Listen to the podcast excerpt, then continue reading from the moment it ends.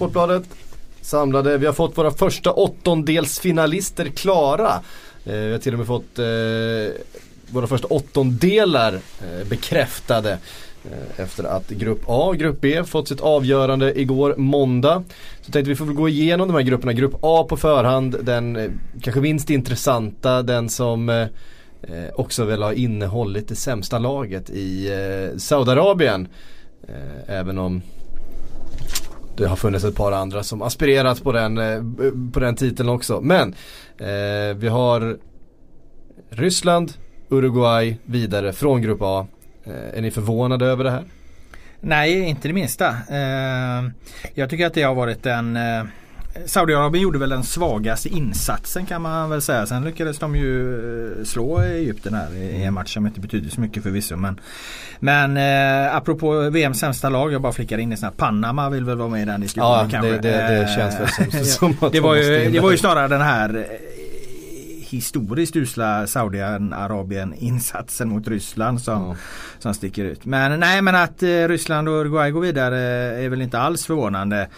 Eh, Ryssland tycker jag inte har sett bra ut. De har visat att de kan springa men i princip inget mer. Uruguay däremot eh, är jag jätteimponerad av. Eh, naturligtvis försvarsstarka och har fått igång båda anfallarna. Går med tre raka segrar inom gruppen. Släpper inte in ett enda mål. Det, det, är klart att man kan vifta bort det. Alltså de har ju kanske turneringens starkaste mittbackar.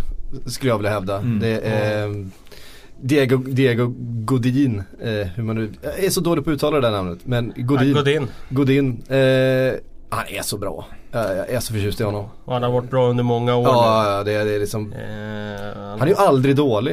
Eh, jag vet inte om jag någonsin har sett honom göra en, en dålig fotbollsmatch. Nej, det är väldigt sällan.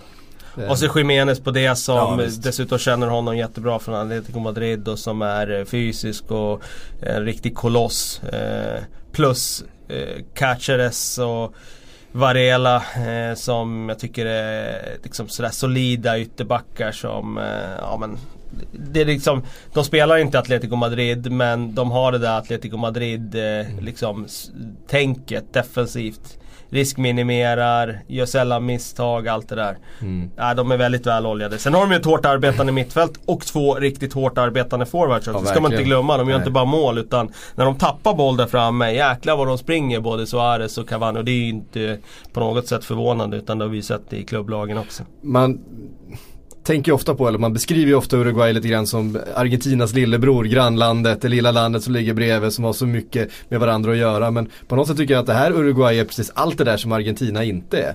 Eh, de sliter oerhört hårt för varandra, det är liksom inget snack om rollfördelningar eller eh, Det känns som att de verkligen är en enhet när de kliver ut på den här fotbollsplanen till skillnad från Argentina. Sen, eh, just fotbollsmässigt är de stora rivaler dessutom. Mm.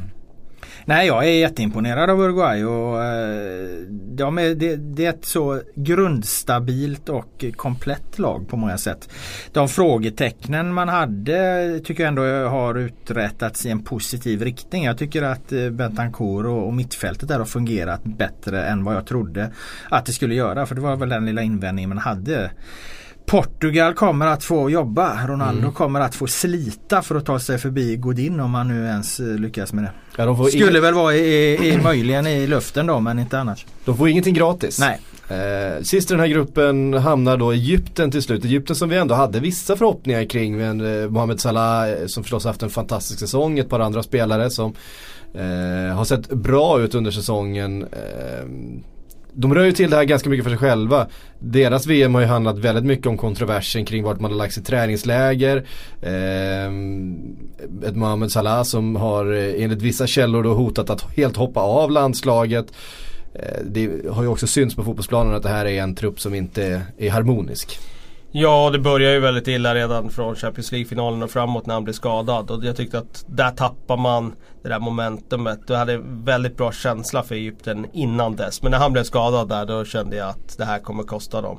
Oavsett om han blir fit for fight till VM så tappar man i alla fall lite av den där eh, Kanske det där självförtroendet när man går in i turneringen. Nu var han ju inte fit for fight i första matchen eftersom han började på bänken då. Eh, jag tror att på sätt och vis så är det där man, man förlorar VMet. Mm. Och chansen att gå vidare.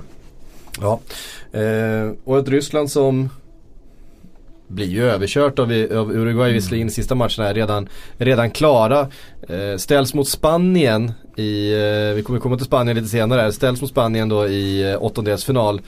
Eh, någonstans här tar det väl slut va? Ja, jag tror ju det. Och eh, det var ju liksom, det blev ju någon, någon form av diskussion där eh, runt Ryssland. Eh, det kanske är för starkt att beskriva det som en, eh, en hype. Men eh, jag menar de gör fem mål i första matchen och de gör tre mål i andra. Och jag har satt hela tiden med en så här konstig känsla i magen att de är inte bra egentligen. Liksom. Det är de som är den riktiga bluffen. Det är ja det precis, ja. Alltså, det är något som inte stämmer här. Va? De springer så in i helvete men spela fotboll kan de fan inte. Och, och, det fick man väl ändå någonstans bekräftat mot Uruguay. Jag tycker inte Uruguay hade några stora problem att plocka ner eh, Ryssland på jorden. Sen tog de ju en enormt korkad utvisning till råga på allt när de ligger under med 1 eller 2-0 eller vad fan det var eh, Ryssland. Och då är ju matchen helt körd för dem såklart. Men jag tror inte de har mycket att sätta emot Spanien. Det skulle förvåna mig alltså oerhört om, om Ryssland eh, tar Spanien. Det säger väldigt mycket att en spelare som Cheryshev som, som eh, ju inte är, är någon, någon toppspelare har ju fått sina chanser, liksom delvis fostrad i Real Madrid. Eh, tog sig aldrig in där förstås, det är inte det lättaste att göra men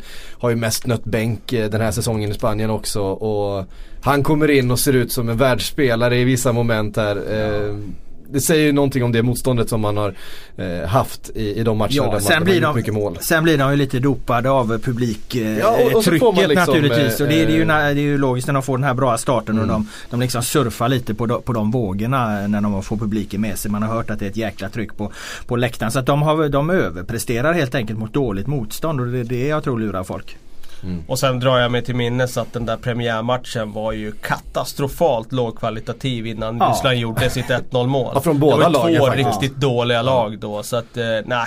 Jag håller med dig Lauler. Det blev någon slags, om vi kan kalla det hype eller inte. Men eh, lite att också att man kanske vill också att hemmanationen ska gå bra för att VM lever upp av det. Mm. Men att det är något superlag det här ryska laget det är det absolut inte. Utan man kan gå tillbaka och konstatera att det här var ett av VMs mest ifrågasatta lag innan turneringen startade. Ja, lägst rankade av alla. Mm. Um, det var grupp A. Jag tror vi har mer att säga om grupp B och upplösningen där. Vi hade ett Iran eh, som spelade för avancemang, behövde tre poäng då mot Portugal. Eh, ett Marocko som redan var utslaget, eh, men ett Spanien som ändå behövde eh, säkra upp att inte förlora med för mycket bollar i alla fall. Eh, och jävla vilket drama vi fick. Eh, vi får väl börja med den matchen som jag tror att de flesta av er följde, den mellan Portugal och Iran. Ja, eh, Det var ingen vänskapsmatch direkt. Nej det var det ju definitivt inte. Och det var väl också den första matchen, eh, för jag kollade på den då. Eh, och det var väl den första matchen kanske i VM hittills där det där det verkligen ställdes på sin spets saker och ting. Och, och det fick ju också konsekvenserna till att det här VAR-systemet prövades ju någonstans så som Eh, det kommer att prövas många gånger framöver nu. Vi, får se en annan typ av matcher här helt enkelt när det är vinna eller försvinna som gäller. Eh, nu var det ju mycket, det var ju mer gnäll och mer protester mot domarna, mm. mer kontroversiella beslut i Iran-Portugal än det varit på hela VM tidigare. Mm. Det där var ju verkligen en sån match som blir när saker och ting ställs på sin spets. Och, och man älskar det kommer... ju det. Man älskar, man älskar ju känslorna. Man älskar att det betyder så oerhört mycket. Man tycker om, i alla fall jag tycker om när fotbollsmatcher blir lite grann på det här sättet. Det är så, det är så mycket dueller, det, det finns så många historier på den här fotbollsplanen mm. som, som får så stor betydelse. Och det är där jag, jag vet att i sociala medier, jag, jag ruttnade på VAR igår. För där tycker jag, de här avbrotten och det här VAR och den här tveksamheten som domaren hela tiden bär med sig att shit, fattade jag fel här? Det kommer bli avslöjat direkt, jag kommer kanske få ändra mitt domslut eller eh, där.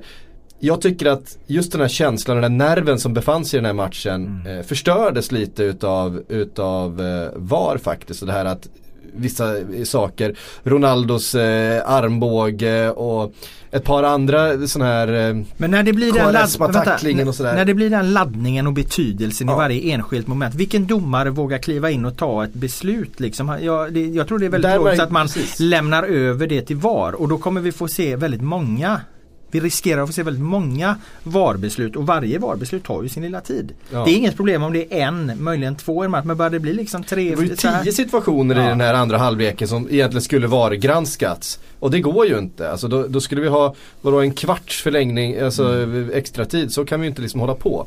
Mm. Eh, så får vi någonstans införa effektiv tid. Eh, och då har vi tagit liksom ett, ytterligare ett ganska långt kliv från den fotbollen som vi, som vi har idag. Mm. Eh, jag tycker det nej. Det ställdes på sin spets igår. Samtidigt, jag vill inte vara den som eh, tar liksom eh, beslut för eller emot i det här läget. Utan det får göras en rejäl analys efter det här mm. mästerskapet och sen får man se. Men eh, jag håller med om att, eh, som du säger Robban, att eh, det blir ju, ju mer VAR vi får det blir liksom då blir det ännu mer var av det. För mm. att domaren kommer ju känna att uh, hur ska jag kunna våga ta ett beslut nu? Det är bättre att jag lämnar det till att de i videorummet sitter och tar alla beslut. Och jag tror att det kommer bli så. Det blir mer och mer och mer. Och där vill vi ju inte hamna. Men jag tror att det är oundvikligt. Jag tror mm. att det, det, är så det blir. Det är så det kommer bli. Eh, det blir det att eh, istället för att det blir ett, två stora beslut per match som man kanske såg framför sig från början. Så blir det mer och mer istället. Mm eh, intressanta detaljer. Vi fick Men det var ju sjukt igår att det inom samma sekund ska vara två liksom, beslut i två olika matcher. Som är helt avgörande för vilka som skulle gå vidare. Det är, alltså, ja, ja, det är ju så otroligt eh, speciell situation. Ja det blir väldigt, väldigt märkligt. Och ingen, det är ingen fotboll som spelas utan det är alla bara sitter och kollar på en skärm liksom. Och, och, och vad tar de för beslut framför den där skärmen? Eh, Sen var det väl rätt beslut som fattades i båda situationerna ändå. Alltså Spaniens mål var ju inte offside. Nej. Och eh, det var nog straff till slut i alla fall. Ja. Och den tror jag inte domaren hade tagit annars. Jag har väldigt inte, svårt att tro det. Det tror inte jag heller. Eh, Ronaldos straff som han ju sen missade. Där säger ju också någonting om, om eh, laddningen som matchen hade. Du kommer ihåg straffen som Ronaldo slog in eh, i Champions League här. Eh, där han bara, liksom, han bara borrar in den eh, i semifinalen. Som är liksom Ja men man tycker allting står på sin spets. Det är mot Juventus och han ska liksom, pulsen ska vara uppe. Den, den, den trycker han liksom upp i nättaket helt skoningslöst. Mm. Nu slår han en dålig straff. Nu slår han en jättedålig straff. Eh, den där liksom det, det, är en av de sämsta straffarna jag tror jag sett Ronaldo slå någonsin. Det var en Messi-straff. Apropå den mot Island. Det var ja. ungefär liknande. Ja, precis. Eh, säger någonting också om, om intensiteten och känslorna i den här matchen och hur mycket som stod på spel och sådär. För att vi vet, straffar är ju, det är ju 100% psykologi. Eh, en spelare som Ronaldo sätter, han sätter tusen av tusen straffar om det inte finns mm. eh, någon psykologi inblandad. Eh, så är det ju. Eh, sen så var det en, en, en, magisk straff från Iran. Ja det får man säga. Eh, det, var, det var Jibril Cissé-klass på den. Från att jag har tjatat om så många jag gånger. Jag brukar hänvisa till Pierre Littbarski. Då tror jag Robban får något nostalgiskt i blicken. Han kunde slå straffar i VM 90.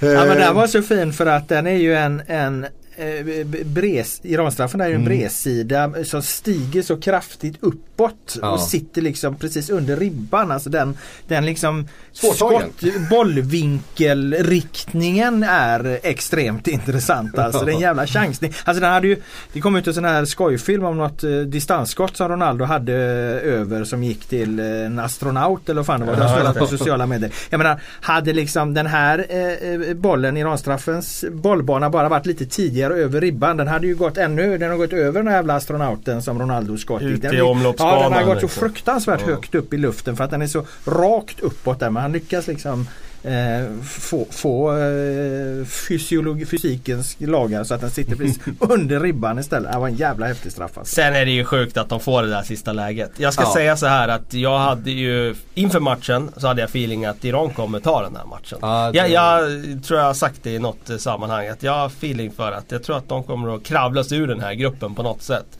Eh, så när Portugal leder med 1-0 då står de i 21 gånger pengarna. Då går jag in och tankar in på dem.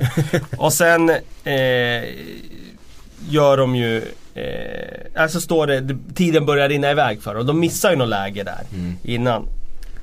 Då tänker jag att ah, men jag går in på krysset på 8.50 också. Eh, men när de får det där läget sen eh, så det är ju sånt där läge som det är ju Staffan Tapper all over. Alltså det är ju ett sånt där, en sån där chans som det kommer snackas om i Iran i, i 20 års tid. Mm. Ja, det, är, det är brutalt alltså. 30 års tid, det beror på hur det går framöver. Ja. Brutal jävla sport. Alltså, vi har suttit här och pratat om Jimmy Durmas eh, tackling. Det, eh, det, här, det här är en helt annan nivå eh, av, av syndabock. Oh, det, det... Undrar hur många i Iran som tror att det blir mål. Ja, I och med att den går i gaveln alltså. Ja.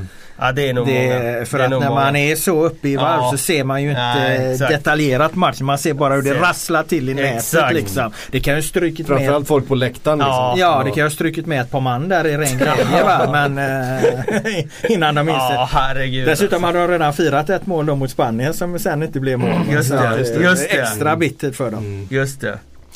Uh, ja det är hårt, det var, det var, uh, tuffa scener efter matchen också med, med iranska tårar och mm. otröstligt både på planen och på läktaren.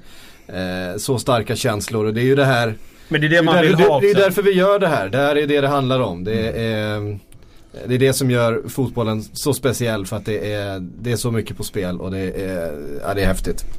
och, men jag måste säga credit till Carlos Queiroz alltså. Eh, visst, de spelar ingen eh, liksom eh, offensiv fotboll så. Men jag gillar ju det här laget skarpt alltså. Just för att han har fått det här laget att helt och hållet köpa den här idén. Mm. Springa för varandra in i, in i döden alltså. Ja. Och de vet allihopa att vi måste spela på det här sättet för att ha en chans. Och de gav sig själva chansen i en väldigt svår grupp. Ja, de, kä de käkar ju taggtråd från, från första sekunden liksom och, och så Eh, det är otroligt häftigt att se. Vi måste säga någonting om, om eh, Quaresmas yttersida. Ja det måste vi göra. För det finns, ing, finns ingen som slår en yttersida som Quaresma. Nej, alltså jag, jag började ju fundera igår. Man flyger iväg i tankarna såklart eh, när man ser sådana där mål. Och så börjar man tänka på vad är de bästa yttersidorna i världsfotbollens historia? Och jag kommer nog fram till att han ska ju vara med på eh, säkert topp tre alltså. För att dels så slår ju han ganska ofta inlägg med yttersidan. Ja. Och han, han har ju ingen vänsterfot. Nej precis. Eh, och när han slår de där inläggen med yttersidan så man har ju sett andra spelare som man, man chippar upp den och lägger den med lite snö så att den landar på huvudet på någon. Men han slår ju ganska hårda inlägg med yttersidan. Sen skruvar han ju in kontinuerligt får man säga mål i sin vardag i klubblaget. Mål på det där sättet. Han gör ju oftare mål med yttersidan än med bredsidan känns det som. Ja det är i alla fall de som vevas så jag vet inte om det, det är, är så verkligen. Det är de man får se i flödet så att säga. Men han har ju gjort några helt sanslösa mål. Det här var ju snyggt men han har ju även gjort mål som är där eh, skottkraften är mycket hårdare. Mm. Så att han ska ju in på en lista. Sen vill jag in vår eh, idol då, Robban Sicko vill jag in som bästa yttersida. För att eh, han hade ju magisk Men det var känsla. mer passningar va? Ja det var passningar. Passningar snarare ja, ja, absolut. skott. Nej inte skott. Nej. Inte skott. Det var inte det var mer kraft, det var mer känsla. Liksom. Men han smekte ju fram yttersidor i form av passningar på mm. ett sätt som, eh, som få gjorde. Och, sen, och så Roberto Carlos. Eh... Ja fast det är inte, det är inte så mycket, det är ju mer Det är ingen yttersida egentligen, det är, det är mer en vriden vrist ja, liksom. Ja, exakt, det är annat för mig. eh, nu, nu, nu är det rätt så. Nu sen, är, sen är det väl, Bale ska väl in på en sån där också. Han har bra yttersida. Modric ska ju in tack vare sina passningar också. Mm. Eh, jag tycker nog att Rivaldo också hade brutala yttersidor. Eh, har du någon som ska in? Ja, jag tänkte på en, eh, det bästa svenska målet med en yttersida har jag ju eh, i huvudet här. EM 92. Ja, eh, Brolin, Brolin, Dahlin, ja, Brolin. Ja, ja, Där har du en fin känslig ja, Fast då, då är det på studs, det är en annan ja, sak. Studs, okay, det är ganska enkelt. Det är, det är rullande boll. Du gör, om, du gör om Brolins mål alltså här. Jag kan lägga upp den för dig så sätter vi den. Vi går ut och testar efteråt. Ja, men alltså på studs så, så tror jag många gör det. På studs gör många det. Men eh, liggande boll som eh, Karesma gör, det är en annan sak. Men alltså Karesma är det spelaren, det var någon som eh, skrev, skrev också på Twitter, den, den som har längst mellan sin högsta och lägsta nivå i världsfotbollen idag. ja, det kan, ja det kanske det är. Han, eh. eh. För att han har en oerhörd högsta nivå eh, rent tekniskt och sakerna han gör. Och nu avgör han ju den här matchen med ett eh, helt otroligt nummer men han Samtidigt så han skulle han mycket rött fått, med, alltså. fått ett rött ja. också. Han, han satte ju det knät där alltså. Ja, den, den är stygg alltså. Det var väl inga kärleksnatter för den spelaren alltså. För att det knät satt inte snyggt alltså. Nej. Sen skulle ja, och man fattar varför han gör det för han åker på en riktigt ful kapning eh, innan. precis, precis innan och det här är ju en ren hämndaktion. Ja, ja. Eh, och, och han springer rakt in i försvarare ibland. Han ska dribbla istället för att spela enkelt när man, när man har ett resultat och sådär. Så han är en, han är en speciell. Men det finns ju ingen, jag tror inte det finns många i världsfotbollen som har en highlight reel som, som Karesma om man går in och kollar så många Rabonas och sköna dribblingar och klackar och yttersidor och allt vad han har gjort under, under åren. Det är, det är ren magi men så. Nej men det som är allra häftigast med det det är ju när man har en sån där extrem special, specialegenskap eller vad man ska kalla det med, med yttersidan. Mm. Så plockar man fram det ställningen 0-0 i en avgörande VM-gruppspelsmatch. Det är det som är häftigt med de spelarna som, mm. som klarar att plocka fram sina spetsegenskaper exakt när det behövs. Mm. Jag uppmanar alla unga fotbollsspelare där ute i landet som lyssnar på det här att träna yttersidor. För att eh, det är en sån extremt verktyg att ha. För att det är ingen motståndare som räknar med att Nej. någon ska använda yttersidan. Så att de blir ju ofta väldigt passiva när någon driver bollen med yttersidan. För att man räknar inte med att det kommer en passning. Och ännu mindre räknar man med att det ska komma ett skott. Mm. Så att eh, hem och träna. Mm. Eh, det är en klassisk gubbegenskap också. Det, det enda man har kvar till slut det är sin yttersida. Man kan inte springa, man kan inte springa längre, man får bollen men man kan, man kan fortfarande slå en yttersida. Så man en gång lärt sig då, då, då har man med sig det resten av livet. Det är jävligt skönt att slå en yttersida ja, när man får till den. Alltså. Det är någon sån där känsla som liksom sprider sig upp genom kroppen eh, i, i form av välbehag när man väl liksom ser den lilla vridningen. Inte för att jag är någon vidare vass på det men, men när man väl får till det så är det ganska gött. Jag kan ju säga för egen del att det är det, det, är det enda jag har kvar i, liksom, i, i fotbollsväg det är att jag fortfarande kan slå en, en, en yttersida med högen. Det kan jag. Jag kan inte göra någonting annat med fotbollsplan längre. Men jag vet att de gångerna jag har spelat de korpmatcher och så här på senare år. Det är liksom, det, det brukar jag ha med mig. Jag har inte gjort någonting rätt på under hela matchen men jag har i alla fall slagit en yttersida. Eh, och det tar man med sig. Spanien, en av våra huvudfavoriter till VM-guldet den här eh, sommaren. Inledde bra men, men fick bara krysset då mot, eh, mot Portugal. Eh, skulle ju stänga den här gruppen då mot redan avsågade Marocko i den här sista matchen. Det blev tuffare än vad de hade förväntat sig. Mm. Eh, de kom inte riktigt igång Spanien. Jag vet inte vad det är med. De får inte riktigt igång spelet. Sen Marocko spelar ju liksom helt utan press plötsligt och kan nog spela ut den här fina fotbollen som mm. vi har ändå sett lite, lite prov på i de tidigare matcherna. Du får rätta mig om jag har fel här Kalle, för nu såg inte jag den matchen. Men eh, jag tar inte så, lägger inte så stor vikt vid det ändå liksom. Att eh, Spanien har vunnit eh, VM eh, när de har förlorat i gruppspel eh, 2010 där. Förlorade första matchen till och med. Så att, eh, men, men det är möjligt att jag har fel för jag har inte ens sett matchen. Så det, det, ah, jag, nu går jag på ren och rå magkänsla där jag tänker att ja, ja, det här var inte så jävla mycket att bry sig om kanske ändå, eller? Nej, jag har inte heller kollat matchen. Eh, hann inte nu eftersom vi flyttade den här podden från lunchtid till klockan 10. Men eh, Eh, jag håller nog med dig om att eh, Alltså jag lägger inte heller så stor vikt vid det. Vad jag förstår de som såg matchen tyckte att Spanien spelade ändå helt mm. okej. Okay. Och Marocko ska vi komma ihåg, det är ett lag som var bättre än vad Portugal var mm. i, det, i, deras möte. Jag var ju jätteimponerad av dem spelmässigt. Så det här är inget lag man bara stampar på. Jag tycker det är så häftigt med VM att de har ingenting att spela för egentligen Marocko. Men de går ut och spelar matchen mm. som om det eh, liksom verkligen en betydelsefull match för dem. När de gör mål så blir de superglada. Eh, jag tycker det är coolt med eh, att det verkligen är så. Mm. Uh, det, det, man kan säga om Spanien var ju att deras försvar var väldigt svajigt. Ramos får ju jättehög, eller stö, ja. förlåt hög, han får jättestor kritik för sin insats. Fipplade ju tillsammans med Iniesta på det första målet. Mm. Eh, Marocko hade rena frilägen i matchen som, där de kom in bakom Spaniens backlinje. Det kändes inte alls sådär tryggt som man förknippar med Spanien. Han blir dessutom slagen i luften på, på Marockos 2-1 mål där. Stämmer också. Eh, och det är ju inte ofta man ser Ramos eh, få stryk i en nickduell alltså. Sen Släppte in eh, fem mål då i gruppen eh, Spanien. Ja. Nästan sex med tanke på det där Iran-målet. Ja, det, det, det, sker, det sker alltså som vi har hyllat som världens bästa målvakt. Alltså släpper alltså in fyra mål före han gör sin första räddning i turneringen. Ja.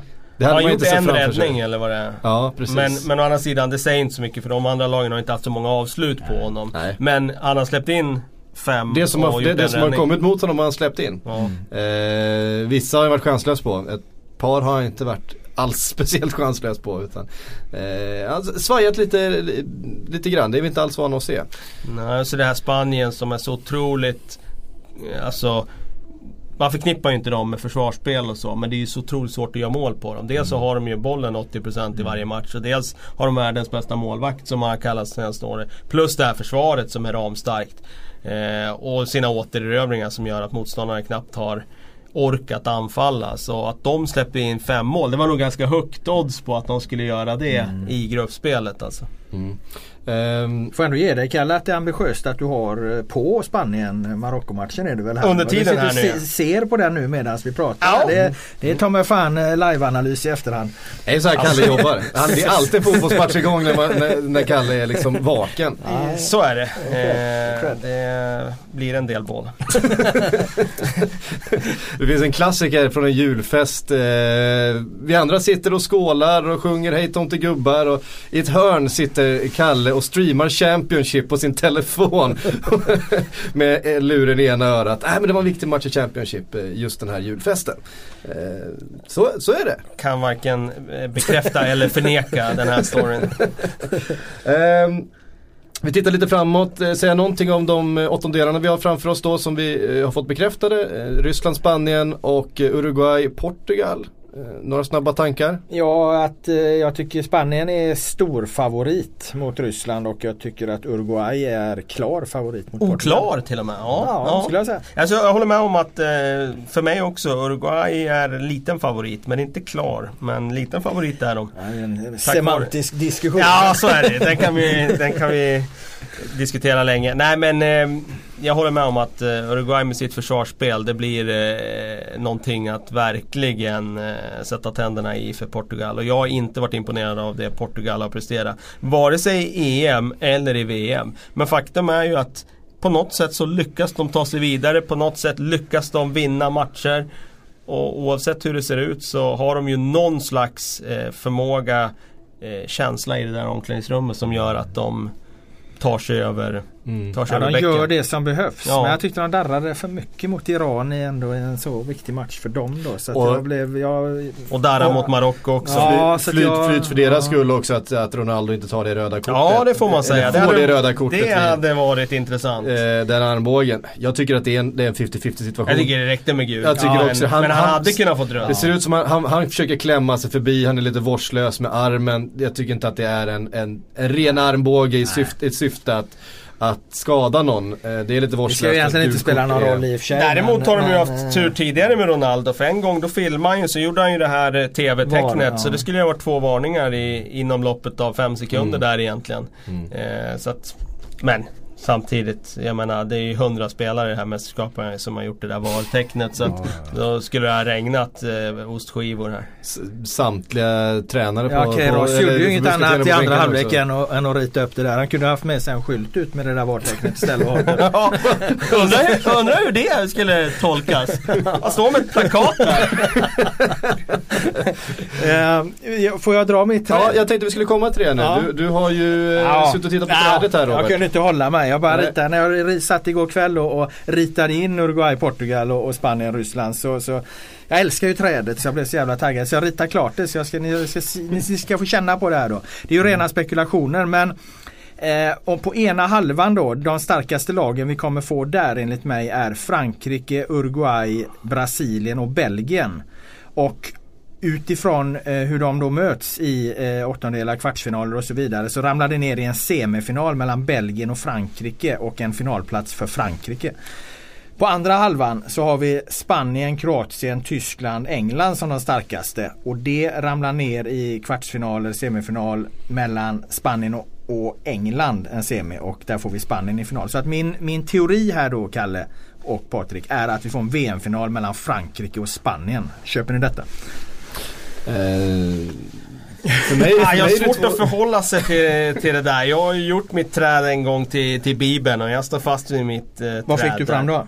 Frankrike i final tror jag mot Antingen mot Spanien eller Brasilien, jag minns inte det. Ja men då var du inte så jävla långt ifrån då. Alltså, Nej. Det här är ju Frankrike-Spanien som ja, den mest troliga finalen utifrån hur det ser ut just nu då. Ja, jag tror att jag har Spanien-Brasilien i mitt det, så kan det inte bli va? Det är Spanien-Brasilien i ena alltså, semifinalen. Om, du, om, Kalle, om du har, om du har Frankrike-Brasilien i final då har du alltså Brasilien som tvåa i sin grupp. Då har du fått över dem på andra halvan där på något vis. Ja men då är det nog Frankrike mot Spanien då ja. kanske. Mm. Men jag tycker att det, det, det känns som en jäkligt trolig... Eh, Men Belgien då? Ja, du tror att de åker mot Frankrike där då eller?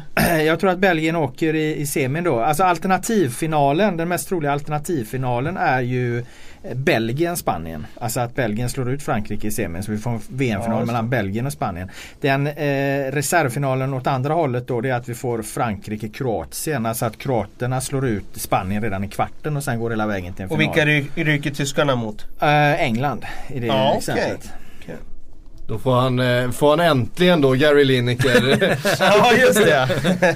Men det kan också, det kan också bli en eh, åttondelsfinal. Det ska man tänka på mellan eh, Brasilien och Tyskland. Kommer Brasilien ja. etta i sin grupp och, och, och, och, Tyskland då kommer tvåa i sin grupp så, så möts ju de i, och jag, i jag, jag, jag håller inte för osannolikt att, att Brasilien faktiskt kommer tvåa i sin grupp också. Och Tyskland vinna Nej. den här och då, då, då är det samma sak. för att Brasilien ska möta Serbien i sista matchen. Serbien är absolut inget eh, bonkegäng och eh, det är mycket som kan hända i den gruppen också. Men det är ju intressant Kalle om du redan i ditt tidiga VM-träd innan VM har fått fram en, en final mellan eh, Frankrike och Spanien. För att eh, nu när vi vet, vi har, nu har vi betydligt mer information om hur de levererar och, och hur grupperna eventuellt kommer sluta.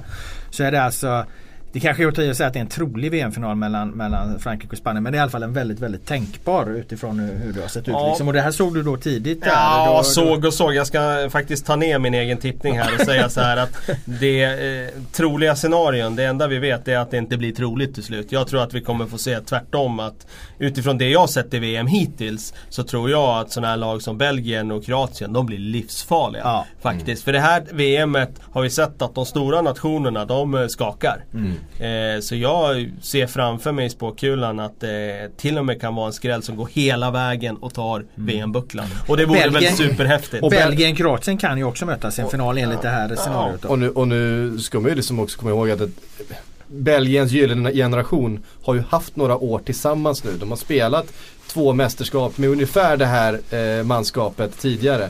Eh, det, det, kan vara det som har behövts för mm. alla de här superstjärnorna att, att få ihop mm. på ett sätt som vi normalt sett ser de här absolut största länderna som bara fyller på egentligen med superstjärnor eh, och spelar med liknande lag då eh, kontinuerligt. Mm. Eh, vi ska säga någonting om, eh, nu är det tisdag idag. Vi har ungefär, vad blir det? 30 timmar kvar någonting. Nej, inte så mycket mycket va? Jo, 24, fan det börjar klockan 16 va? Det var 29, 29 timmar. 29. Var ganska, var ganska så jävla dåligt. Nej det var det faktiskt inte. eh, kvar tills eh, Sverige möter Mexiko. Och ska då försöka gå för den där tre poängen som tar oss hela vägen till en åttondelsfinal. Eh, och då, sen åttondelsfinal, då kan ju allting hända, det vet vi ju. um, hur ska vi lösa det här? Hur ska vi ta oss an den här uppgiften och eh, kommer vi klara det? Jag vet att eh, Robert du pratade innan här att du hade en, en fråga till Kalle hur eh, han tycker att Janne ska hantera Men kan vi komma in på den en, sen? En ja, börja i det större. Ja vi kan börja i det större. Eh, nej men jag, alltså, jag, om, jag säger så här. Det här VMet har gått enligt plan. Eh, vinst mot eh, eh, Sydkorea eh, på ett bra sätt. Eh, förlust mot Tyskland. Och en avgörande match mot Mexiko väntar. Det, mm. det, var väl liksom Budgeterat? Ja det var väl så det skulle bli. Och eh, jag måste jämföra det här scenariot med våran vän och kollega Per Boman. Han hade en jävla intressant teori där att det här är, är exakt som EM 2008. Då Sverige på ett klart övertygande sätt vinner mot Grekland i första matchen. Eh, förlorar efter en heroisk kamp med 2-1 mot Spanien ja. och sen åker ut mot ett eh, väldigt formtoppat Ryssland. Och formtoppat och hårt löpande snabbt Ryssland liksom. Och där hade man en väldigt bra känsla i Sverige. Vi var många på plats i, i i, fan gick det nu i Österrike eller Schweiz, det kommer jag inte ihåg. Yeah. Men något av de länderna mm. den här tredje gruppspelsmatchen som hade en jättefin känsla för Sverige och sen så var det bara på Arshavin och company liksom. Det var, det, var, det var inte ens nära. Nej. Nej. Uh, och, det var, och också, det, det var ju också ett sekunddrama, eh, förlusten ja. mot Spanien då ju. Det var sista sparken i stort sett i matchen. Ja, och det, måste men det hade inte spelat någon roll i sista matchen för utgången. Om vi hade förlorat den matchen så hade vi i alla fall åkt. Ja precis men mm. sån situation är det ju den här gången också. Ja, ja absolut och, och, det, är väldigt, det är väldigt väldigt likt liksom. Och måste jag, den spaningen måste jag ge Boman att den var skarp. Och mm. den eh, rubbade min positiva känsla lite grann. Jag, han, han skakade om i magen här för jag har ju gått och väntat med ganska god optimism på den här Mexiko-matchen. Men så kom Boman och sa detta. Boman är ju ingen, det, ingen optimist. nej det ska gudarna veta. Men, eh, men han gjorde mig, lyckades dessutom få mig lite orolig och det, det gillar jag inte. Nej, han kommer hit på torsdag då. Då får han väl eh, stå till svars exakt, för, för exakt. Eh, det här. Det som gör att eh, den här spaningen inte riktigt korrelerar det är ju att vi inte har någon sidledsdanne på mitten eh, nu. Utan eh, det var ju Fan, faktiskt sidledsdanne som var dominant mot Spanien i, i, eh, i den matchen. Eh, och vi har ingen Fredrik Stor på ytterbacken heller. Mm. Nej men jag håller med. Det är, det, det är en, en, ett lurigt läge för vi, vi har inte liksom ställts mot den här typen av lag. Eh, som Mexiko är med den här speeden. Tyskland är ju någon slags maskin som bara, nu för tiden, som bara tuggar igång lite sakta och den här passningsmaskinen ska liksom, eh, de är ju faktiskt inte så olika mot Spanien. Eh, bara det att de har lite andra typer av anfallsvapen där framme sen. Eh, men nu kommer vi möta ett lag som är ren speed, alltså ren omställningsfart. Eh, och det Eh, jag tror ju som vi var inne på tidigare här eh, i veckan att eh, jag tror att Sverige passar Mexiko väldigt dåligt. Och får vi bara tråka ut dem eh, och spela vårt spel, det är det vi ska göra. Vi ska spela precis som vi har gjort tidigare i turneringen. Kompakt bakåt, eh, inte bjuda på någonting, riskminimera och sen ta det som liksom de här smulorna som, som vi bjuds. Mm. Och det kan vara en fast situation, det kan vara en, en omställning eller det kan vara någonting. Men eh, jag, jag, tror vi har en god chans att störa Mexiko. Och sen handlar det om bara att sätta dit chanserna när vi får dem. Och då får det inte se ut som mot Sydkorea för jag tror inte vi får så många lägen i den här matchen. Nej. Och sen eh, alltså det det inte, om man börjar med det defensiva, det det inte får bli det är eh, som det var första tio mot Tyskland. Alltså att Sverige kommer så himla lågt. Eh, utan vi, vi får ha upp pressen lite grann åtminstone för att när vi får det mot Tyskland då är det jättebra och, och kan vi göra det lika bra mot eh, eh, Mexiko då kommer vi klara att hantera Mexiko på ett bra sätt. Hålla dem utanför oss så ska de komma till något så får det möjligen vara inlägg i så fall. Eh, det, tror jag de, eh, det tror jag de är ganska överens om i Sverige hur de ska agera. Att de ska komma upp lite i pressen det inte blir så jäkla tillbakatryckta. För det blir så lång väg till mål. Det handlar inte bara om försvarsdelen utan det blir så lång väg till mål och då, då kommer vi inte få de här smulorna som Kalle är inne på ifall vi, vi har för lång väg till mål. Det kommer vi få ifall vi kan hålla upp pressen lite mer. Men sen har jag en fråga till dig Kalle som, mm. som jag tror kommer att bli relevant och som Sverige någonstans måste förhålla sig till. Eh, och det är att eh, fasta situationer är vi överens om. Mycket mål i det här VMet görs på det. Sveriges chanser ligger till stor del att, att utnyttja en fast situation för vi måste ju få in ett mål. Yeah. Men då är det ju problemet med det här mexikanska laget att de lämnar ju för fan tre man. Eh, hur ska Sverige göra i den eh, frågan som då uppstår? Ska man chansa och utsätta sig för en kontring och fylla på som vanligt eller måste vi stanna med fyra gubbar? Ja, alltså det där är alltid en delikat fråga. Eh, det är ju väldigt få lag som gör som Mexiko stanna med tre för det är så riskabelt att göra det. Det mm. de gör det är att de ger motståndarna faktiskt chansen att vara övertaliga i straffområdet. Ja. Eh, och det finns ju lag som har gjort det där det faktiskt har kostat. Eh, och då brukar man säga att det där var naivt. Att ställa Tror ni de kommer göra det trots att de ändå liksom ska försvara eh, ett resultat här? Ja, jag tror att de har gjort det. När jag scoutade dem inför det här mästerskapet så gjorde de det i flera matcher. Stanna med tre på det där sättet. Och eh, Svaret på din fråga Laula är så här. Eh, generellt så gör man inte så många mål på hörnor att det är värt att riskera omställningen. För det blir mer mål på omställning från en hörna än vad det blir på att man nickar in den offensivt.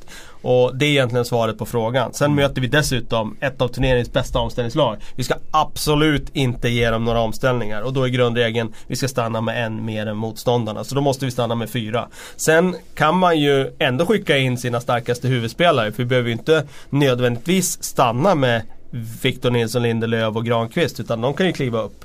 Vi kan ju stanna med till exempel våra eh, centrala mittfältare som förmodligen inte kommer vara inne och nicka. Vi kan stanna med någon av de eh, ytterbackarna till exempel. Ludde slår väl hörnor va? Mm. Så att då blir det lustig i så fall. Men det eh. finns väl en tidsaspekt här också. 00 75 stannar vi fortfarande med fyra gubbar liksom. När går man över och... Nej så är det ju. Det, sen blir det ju ett läge där eh, om vi måste göra mål. Ja. ja då måste du ju chansa. Men blir det ett sånt läge i andra halvlek, då tror jag Mexiko också resonerar att då tar de ner Då tar de ner dem. Ja, då tar de ner dem.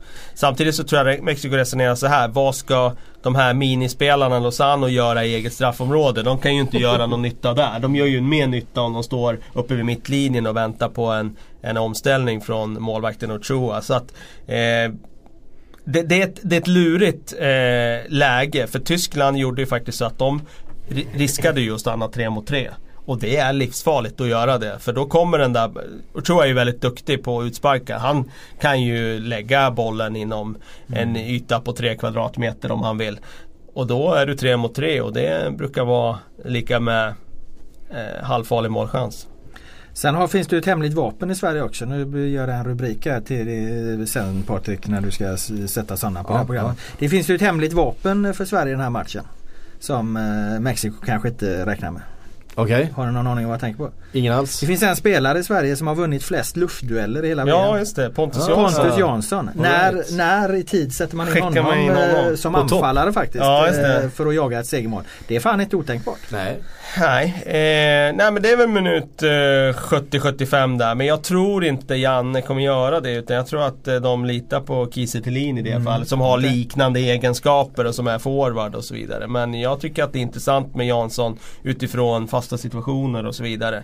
Du får in en som kan buffla som tar väldigt mycket plats. Och Börjar man få in så man får in tre, fyra, fem starka huvudspelare då blir det jobbigt för ja. motståndarna. Då blir det riktigt jobbigt. Mm. Men det måste de ju ha funderat på att det är Sverige inför den här matchen att kommer vi till ett scenario det är 0-0 med, med, med, kvarten kvar liksom, då måste vi gå 127% eh, eh, luftspel, eh, kraft. Trycka in all jävla längd som existerar och så bara mata. Ett, ett problem som jag tyckte mot Tyskland var att vi var dåliga på att skapa eh, fasta situationer på offensiv planhalva. Att vi, vi var dåliga på att vinna den typen av dueller som vi Ja vi var ju inte så ofta på offensiv planhalva så det så mycket, men, berodde ju på det. Men, men, när vi väl fick den frisparken i första halvlek där skapade vi ju en jätteläge när Seb slog den på huvudet på mm. Berg där som nickade och Neuer gjorde en jätteräddning. Mot, mot det här laget där, där Sverige har sånt stort längdövertag. Jag menar en, en frispark fem meter nedanför mittlinjen är ju så god målchans som vi kanske kan hoppas på. Ah, nu ska vi inte eh. överdriva. Fem meter innanför ah, mittlinjen. Okej, okay. säg 15 då. Ja, men säg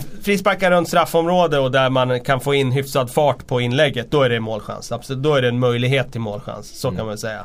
Men eh, Alltså så dåliga är de ju inte Mexiko. Jag menar de har ju mittbackar som är starka i luften och sådär. Så att det är inte bara att skicka in den i boxen och tro att vi ska få rena, rena målchanser av det. det är, så enkelt är det inte. Men eh, det räcker ju med att göra ett mål. Så det räcker ju med att en av de här fasta situationerna resulterar. Mm. Då ska vi hålla nollan och det tror jag vi har en god chans att göra. Bara vi är så kompakta som vi har varit tidigare i turneringen så tror jag vi har chans att hålla nollan. Och eh, då gäller det bara att ta den där lilla, det där lilla halmstrået. Mm. 1-0 Berg 65. Jag tror det är mitt tips. Ja, ja det är taget. Ja, taget alla dagar i veckan. Ehm, och Tyskland de gör väl det de ska mot Sydkorea. Ja, ja Laul har, Laul har ju lovat att käka upp sin katt här. så att, eh, för hans skull här så hoppas jag på Tyskland. Ja, för hans Men, för kattens skull. För kattens skull också. Men eh, eh, det vore ju skitcoolt om Sydkorea här nu. Apropå alla skrällar som har varit här med Saudi och Marocko och lag som ja. inte haft något att spela för. Om Sydkorea som har något att spela för. Vinner Faktiskt. de här så har de ju möjlighet att gå vidare. Om de bara skulle sprattla till, hur coolt vore inte det? Det hade jag också tagit på förhand om man säger så. Mm. Eh, absolut. Vet ni vad? Eh, nu är jag alldeles för nervös inför den här matchen för att, för att klara av att prata mer. Eh, vi, ja det börjar faktiskt börja kännas lite det nu. Börjar... Det var Bomans jävla 2008 eh, påminnelse där. Jag, jag har suttit helt lugn, eller halvt lugn i alla fall. Men nu börjar jag också känna den här jobbiga känslan eh, som bara spridas i kroppen. Det är inget bra alltså. Det var då, Pet det var då Petter Hansson gjorde ett av de vackraste målen i svensk landslagshistoria va? Mot Grek Grekland. Ja, 2-0 mot Grekland där. Det är sånt, apropå karisma, det var ju ett sånt där highlights-mål som platsar i samma, i, i ett liknande sammanhang. Ja och det var ju då Lasse Granqvist klassisk ko kommentar sa att om 1-0 var ett jävla drömmål så är det här ett jävla skitmål. Ja just det. Ja, det är ett historiskt dåligt val. det, ja, det är hans och Johan Mjällbys EM 2000 där. Ja. Ehm, det är ju klass med, eh, med, det var någon som sa Harry Kanes hattrick här eh, nu mot Panama. Det är det sämsta hattricket någon någonsin har gjort. Ja det kan det nästan vara. Det var i och för sig väldigt fina straffar alltså. Det var det. Det eh, var det. Det ska vi ge honom. Men sen, och sen, det tredje målet var tre, ju tidernas turmål alltså. studsar in på en klack som man bara.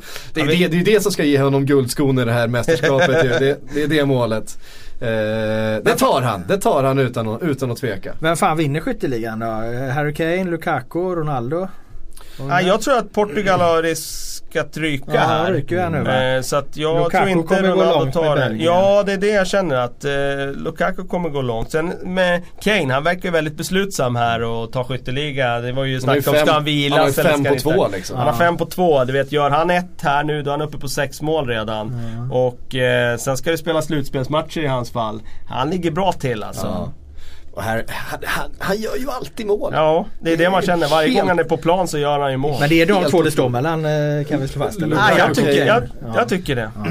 Jag tycker inte, alltså beroende på hur det går för ett uh, Uruguay nu. Det, Suarez har redan två va? Ja mm. men Gör han så många mål eh, så att han tar hem skytteligatiteln? Jag tror inte det. Nej. Han ligger lite för långt efter eh, Lukaku och Kane i det här läget. Eh, faktiskt, det är svårt att se. Jag hade ju Neymar som min eh, skyttekung. skyttekung inför. Men, det var svårt.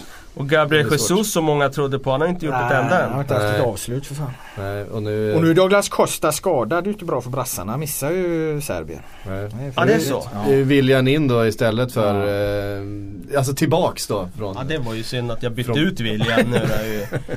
Jävla VM 11 Sen har det, ja, det har resonerats mycket om att, att eh, man ska stoppa in, eh, stoppa ut Coutinho på den sidan istället och dra, dra in William i ett mittfält eh, bakom och så här. Ja, det har, eh, spekuleras mycket kring.